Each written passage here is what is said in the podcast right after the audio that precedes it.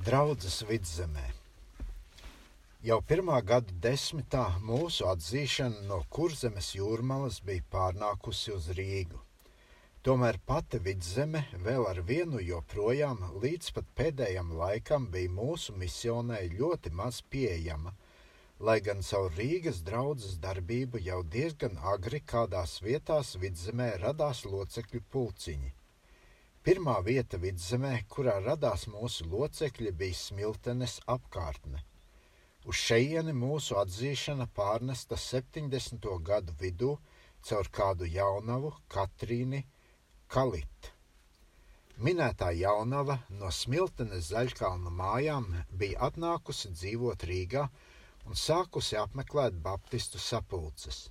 Sapulcēs dzirdētais evaņģēlijs bija atradis atbalstu jaunavas sirdī, un tā drīz vien tapusi par locekli pie Rīgas draudzes. Pārgājusi atpakaļ smiltenē savējo vidū, Katrīna Kalite uz, ar dzīvi un vārdiem nolikusi liecību par to dvēseles laimi, kura tai Rīgā caur Jēzus Kristus žēlastību tikusi par daļu. Jaunavas liecība nepalikusi bez sekmēm, jo drīz vien tā mantojusi sev par ceļa biedru uz šaurā ceļa savu vecāko brāli Jāni, Zaļkalnu māju sa saimnieku. Pēdējais, kā bijušais sludinātājs brāļu draudzē, sāka noturēt savās mājās dievvvārdu sapulces. Zaļkalnos kaisītais vārds nepalika bez augļiem, un drīz vien smiltenē radās locekļu pulciņš, kas stāvēja Rīgas draudzes pārziņā. 1905. gadā Smiltenes ticīgajo pulciņš pārcēla savu sapulces vietu uz Smiltenes miestu kristīgu rakstu kolportiera Rudzīša namā. Rudzītim ar āboliņu sirsnīgi dievu lūdzot un pie draudzītes uzplaukšanas strādājot, ienāca mazajā locekļu pulciņā mošs gars, tapa sarīkotas uztaisīšanās sapulces, uz kurām sanāca baptistu un brāļu draugas sludinātāji pat no tālākām vietām un sludināja evaņģēlijumu ar svētību. No smiltenes izgāja iespaidi arī uz tālāku apkārtni. Izcēlās draudzīte Gatartas pagastā ar kurpnieku lāci priekšgalā, 1908. gadā draudzene dabūja, dabūja strādni, pastāvīgu strādnieku jaunekļa skolotāja Bokmeldera personā, kurš smiltenē turēja pirmācības skolu un reizā ar audzināšanas darbu arī apkopa draudzīti. 1911. gadā Draudīt, draudzīte caur pirkšanu ieguva sev par īpašumu kādu namu, kurā tā ierīkoja sev telpas sapulcēm. Otra vieta vidzemē, uz kurieni tā paša gada desmita beigās mūsu atzīšana tapa aiznesta, ir Paltmale.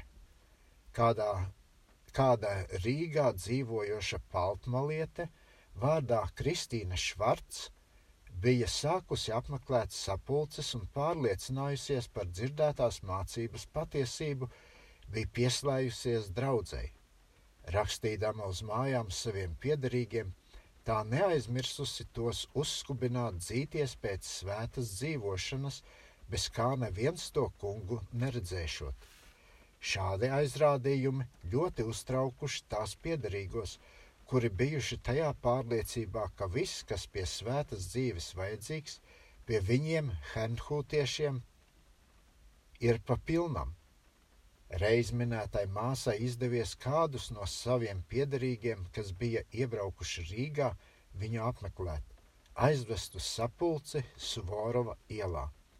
Tur dzirdētais vārds tā ķēris aizspriedumu pilnos vidzemniekus, ka tie pēc sapulces paši uzlūguši brāli Rolmani un Ērungu izbraukt uz Paltmali un tos tur apmeklēt, pie kam apsolījušies iebrauktiem Rīgā pakaļ un tos aizvest. Kad abi minētie brāļi bija apmeklējuši Paltmaliešus, starp pēdējiem un Rīgas brāļiem nodibinājušies īsti draudzīgi sakari, ka pamodinātie paltmalieši vairākas reizes braukuši uz Rīgu. 1878. gadā Rīgā kristīti pirmie no pamodinātajiem paltmaliešiem.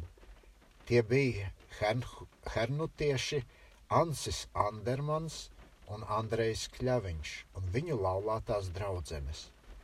Zīmīgi ir tas, ka visi pirmie kristītie bija jau no agras bērnības pirmos iespaidus uz dievbijīgu dzīvi mantojuši no hernutiešiem. Ar laiku Rīgas draudzēji attīstījās Paltmalē stacija, kura vēlāk tapa par pastāvīgu draudzi. Pirmais priekšnieks Paltmales draudzītai bija vēlāk plaši pazīstamais evaņģēlists Aleksandrs Kļaviņš. Viņam uz Jālgavu par sludinātāju pārceļoties, draudzes vadību uzņēmās Kārlis Andermans.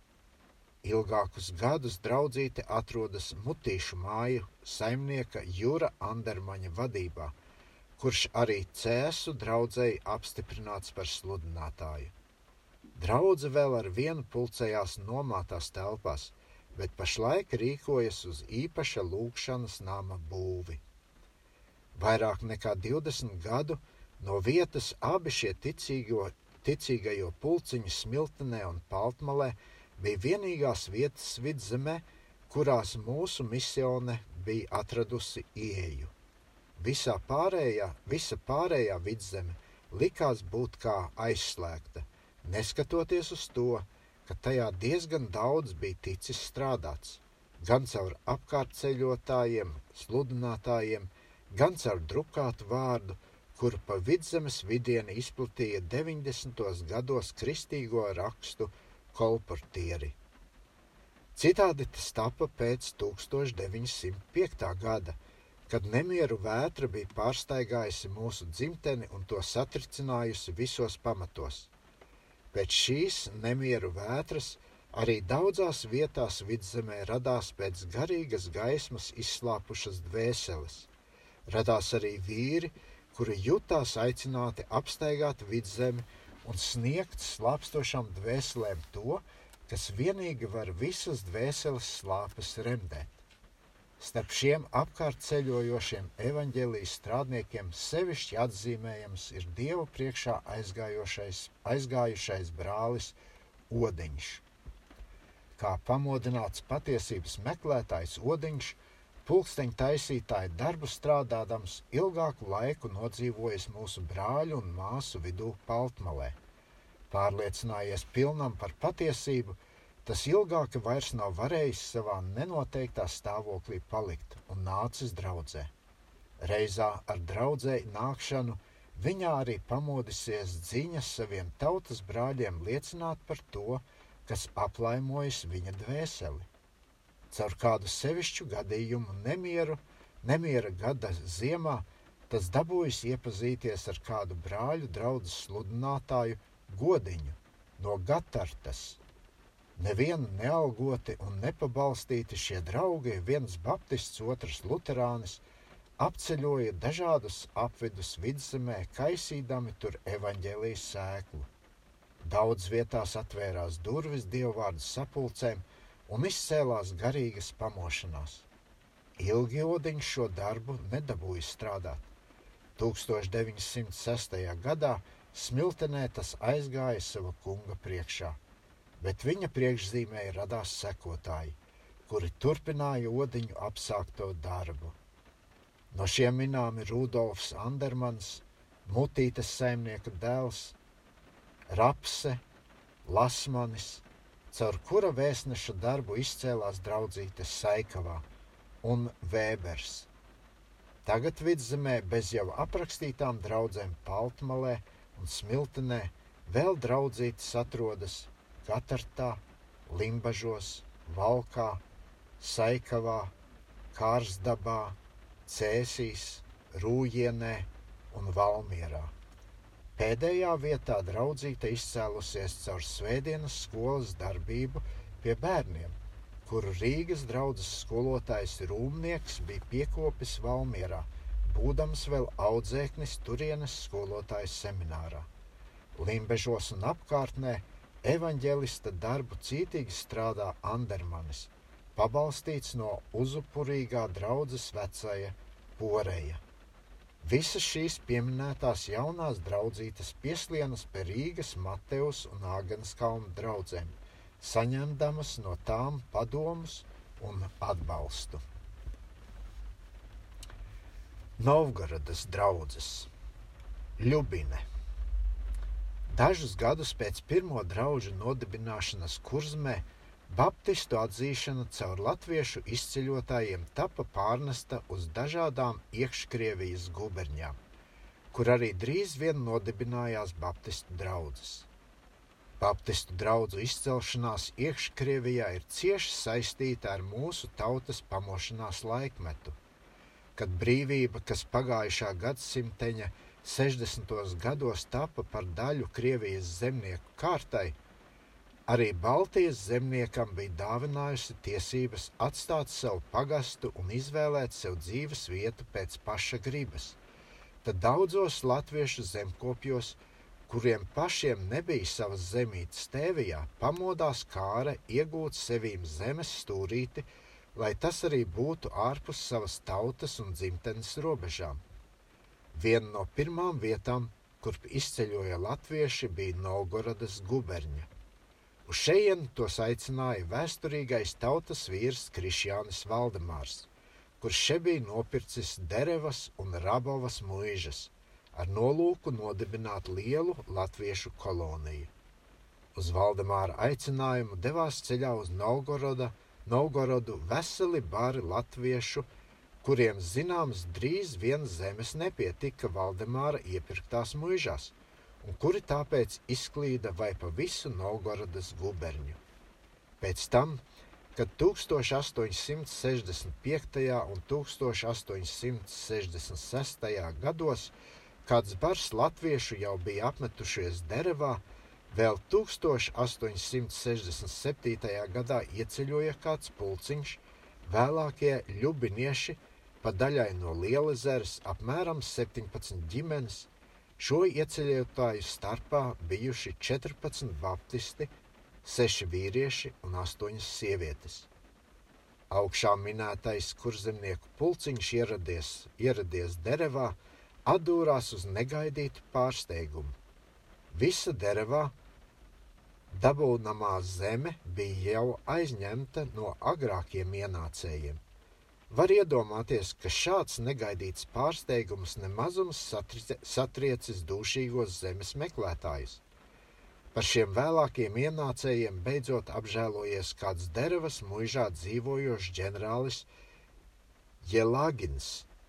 Tas tos aizvedis uz saviem piedarumiem starp derevas un ļubinas upītēm, zemā, neizkoptā vietā, kur ar laiku izcēlies ļubinas latviešu ciems – ar vecāko draugu Novgorodas guberņā. Pirmos gadus ienācējiem klājies ļoti grūti, tomēr ar neatlaitību tie ķērās pie darba, un tagad agrākā čūksliena vietā vasaru redz ar labību viļņojošas druvas un ziedošas pļavas. Arī garīgā ziņā Ļubinas pirmiem baptistiem sākumā neklājies labi, trūcis sapulces vietas, kur svētdienām sanākt un smelties jaunas spēkus dvēselē.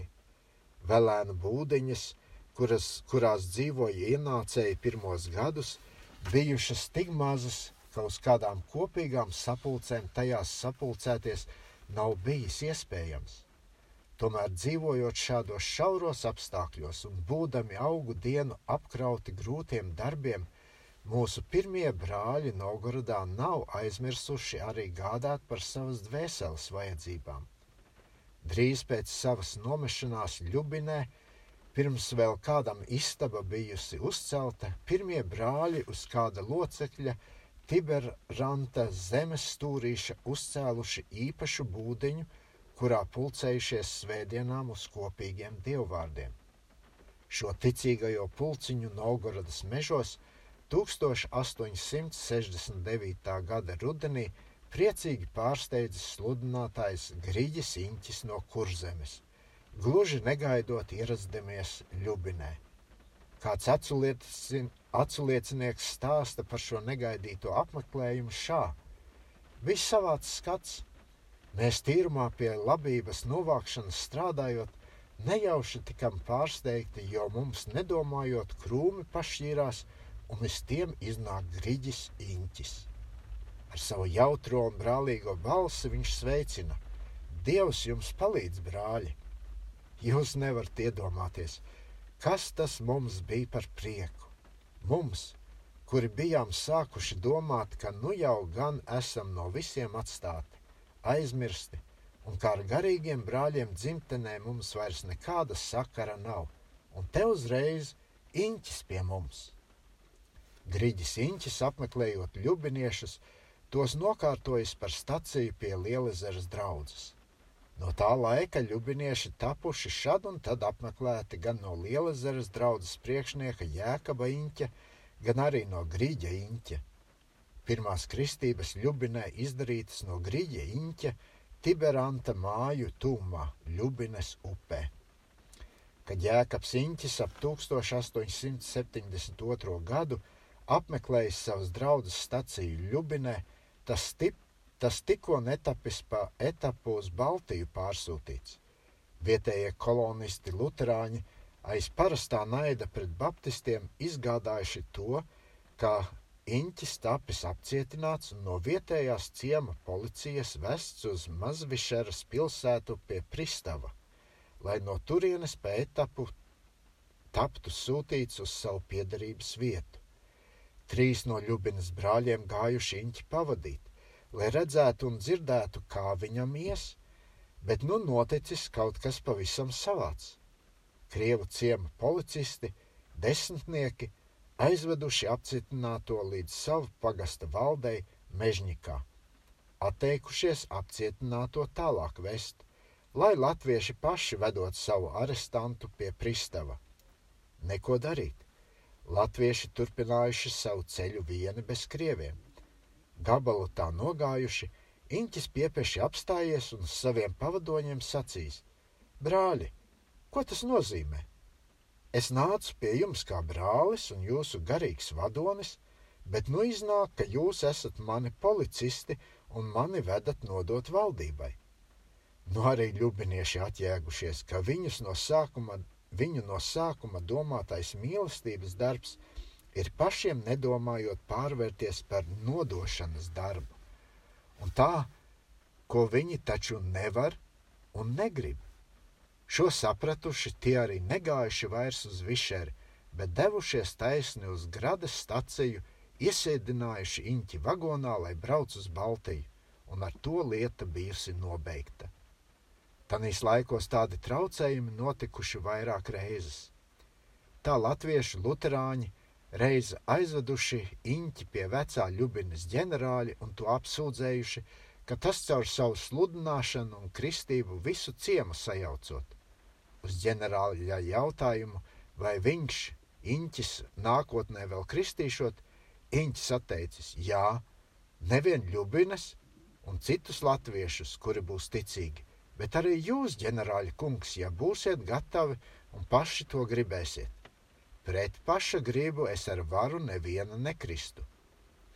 Līdz ar 1873. gadu Ļubinas draudzīte izvēl par savu garīgo apkopēju Andreju Kalenbergu, kas iepriekš tam tapis nosūtīts uz Baltiju, lai tur taptu par sludinātāju ordinēts. Kalenbergs ar sirsnību un uzupurēšanos kopis nevien Ļubinas, bet arī vairākas apkārtējās draudzes. Pēc trīs gadiem Kalenbergam kā biedrs evaņģēlī darbā pievienojies Ants Arājums, un drīz pēc tam Hermansons iz Baltijas. Arājumam strādājot kopā ar Hermansonu, darbs sākumā svētījies, bet tad abu šo strādnieku starpā radusies nesaskaņa kas drīz izvērtusies draugu šķelšanā, kura arī tapa ierautas gandrīz vai it visas Novgorodas draudzes. Šīs burzmas ļoti kaitējušas dievu valstības darbam. No iekšējiem nemieriem nokausēti, ļubinieši uzaicinājuši sev par pastāvīgu sludinātāju Jēkabu Inķi, kurš arī 1890. gadā pavasarī pārcēlies no Piltenes uz Ljubini kur tas bija iepircis mājas. Līdz riņķa pārcelšanos uz Ljubini, draudzes iekšējā dzīve sākusi nokārtoties. Viņa darbības laikā arī ļubinieši sev uzcēluši īpašu lūkšanas namu ar jaunekļu un jauno biedrības nodibinātās un svētdienas skolas labāki nokārtotas. Pēdējos gadus gan paveicis Jēkaba, pēdējos darbus gan paveicis Jēkaba Inķa dēls Jānis – kas tolaik būdams par sabiedrības evaņģēlistu apceļojis Novgorodas draudzes un arī kādu laiku strādājis Ļubinē.